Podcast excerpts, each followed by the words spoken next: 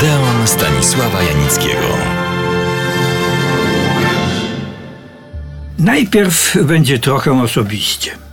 Wszyscy, którzy mnie znają, wiedzą, że od wielu lat zakochany jestem w Japonii, w japońskiej sztuce, codziennym życiu, historii i teraźniejszości. Przede wszystkim jednak w japońskim filmie.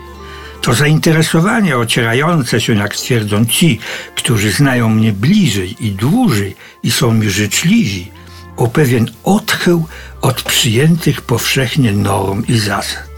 Trudno stało się. Ale jak do tego doszło? By odpowiedzieć na to pytanie, musimy cofnąć się w czas dawny, wręcz zamierzchły.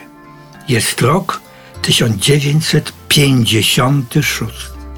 Kończę studia dziennikarskie na Uniwersytecie Warszawskim, jednocześnie pracuję już w dzienniku Żołnierz Wolności. Pewnego razu otrzymuję polecenie napisania reportażu o pracy Morskiego Instytutu Rybołówstwa w Gdyni. Więc pojechałem. Podróż z Warszawy do Gdyni trwała wtedy pociągiem pospiesznym całą noc. Zadanie z przygodami wykonałem.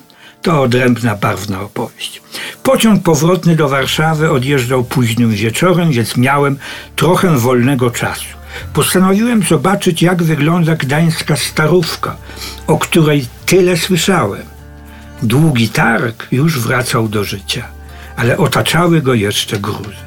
W świetle księżyca wyglądały upiornie albo fascynujące. I nagle spostrzegłem, że na długim targu jest kino o nazwie Leningrad. Postanowiłem pójść, obojętnie na jakiś film, z ciekawości, bo już bakcyla kinowo-filmowego połknąłem. Kasjerka poinformowała mnie, że w dużej sali projekcja trwa już od godziny, ale w małej na piętrze właśnie seans się zaczyna. Tytuł filmu nic mi nie mówił. Chciałem spędzić w ciepłej sali te kilka godzin do odjazdu pociągu. Wszystkie miejsca były zajęte. Musiałem stać podpierając ścianę. Film przed moim przyjściem się zaczął, więc nie wiedziałem, co oglądam, jaki tytuł, ale przecież mnie chodziło o zabicie czasu. Oto ta egzotyczna opowieść filmowa, którą obejrzałem, przyznam, z rosnącym zainteresowaniem. Osan jest żoną bogatego, wpływowego właściciela wielkiej drukarni w Kyoto. Akcja toczy się w XVIII wieku. Osan została wydana za mąż, ponieważ jej rodzina potrzebowała pieniędzy. Potrzebuje ich zresztą nadal. Brat Osan prosi ją o pożyczkę dla pokrycia długów. Ona jednak sama nie ma pieniędzy, a do męża nie ma po co się zwracać. Wie, że odmówi. Prosi więc o pomoc Moheja, najlepszego drukarza pracującego u jej męża. By zdobyć pieniądze, dokonuje on fałszerstwa, lecz zostaje złapany na gorącym uczynku.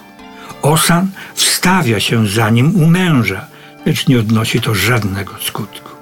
Osan chce dać nauczkę mężowi, który zaleca się do służącej i idzie w nocy do jej pokoju. Tu jednak spotyka Moheja, który chciał służącej powiedzieć, że postanowił uciec. W tym momencie zjawia się mąż, który oskarża żonę, że jest kochanką Moheja. Przerażona tym oskarżeniem ucieka wraz z Mohejem. Postanawia odebrać sobie życie. Lecz kiedy on, Mohej, wyznaje, że ją kocha, zmienia zdanie. Ukrywają się, błąkają, nikt nie chce ich przyjąć, nawet rodzina. Jedni uważają ich czyn za haniebny, inni po prostu się boją, jeszcze inni chcą się przypodobać władzy. Usiłują kochanków złapać i wydać w ręce policji, która ich ściga. Wspólna niedola łączy Osan i Moheja coraz bardziej, a uczucie okazuje się prawdziwe i głębokie. Odrzucają propozycję, żeby ona wróciła do męża, który gotów jest jej zdranę przebaczyć, a on, Mochej, żeby wyjechał do innej prowincji. Ale oni już chcą być razem, bez względu na to, co się stanie. W końcu zostają złapani. Związanych razem wiozą ich na koniu na miejsce straceń, gdzie zostają ukrzyżowani. Nie płaczą, nie rozpaczają, jadą z dumnie podniesionymi głowami. A męża za niezgłoszenie władzy zdrady żony pozbawiono całego majątku i skazano na wygnanie. Ta opowieść, przyznam, zrobiła na mnie ogromne wrażenie. Egzotyka miejsca i bohaterów. Opowieść tak prowadzona, że podziwiając ją, zapomina się całkowicie o inności bohaterów, miejsca i czasu. Krótko mówiąc, fascynujący, zupełnie inny świat a jednak ogląda się losy bohaterów, ludzi z pełnym zrozumieniem ich losów, ich dylematów, również moralnych.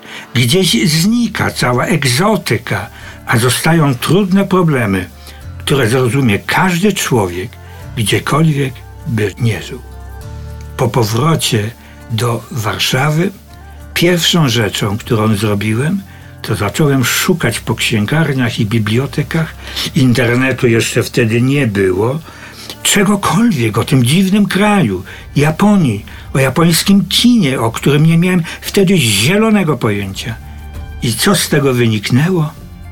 Opowiem za tydzień. Serdecznie do Odeonu zapraszam.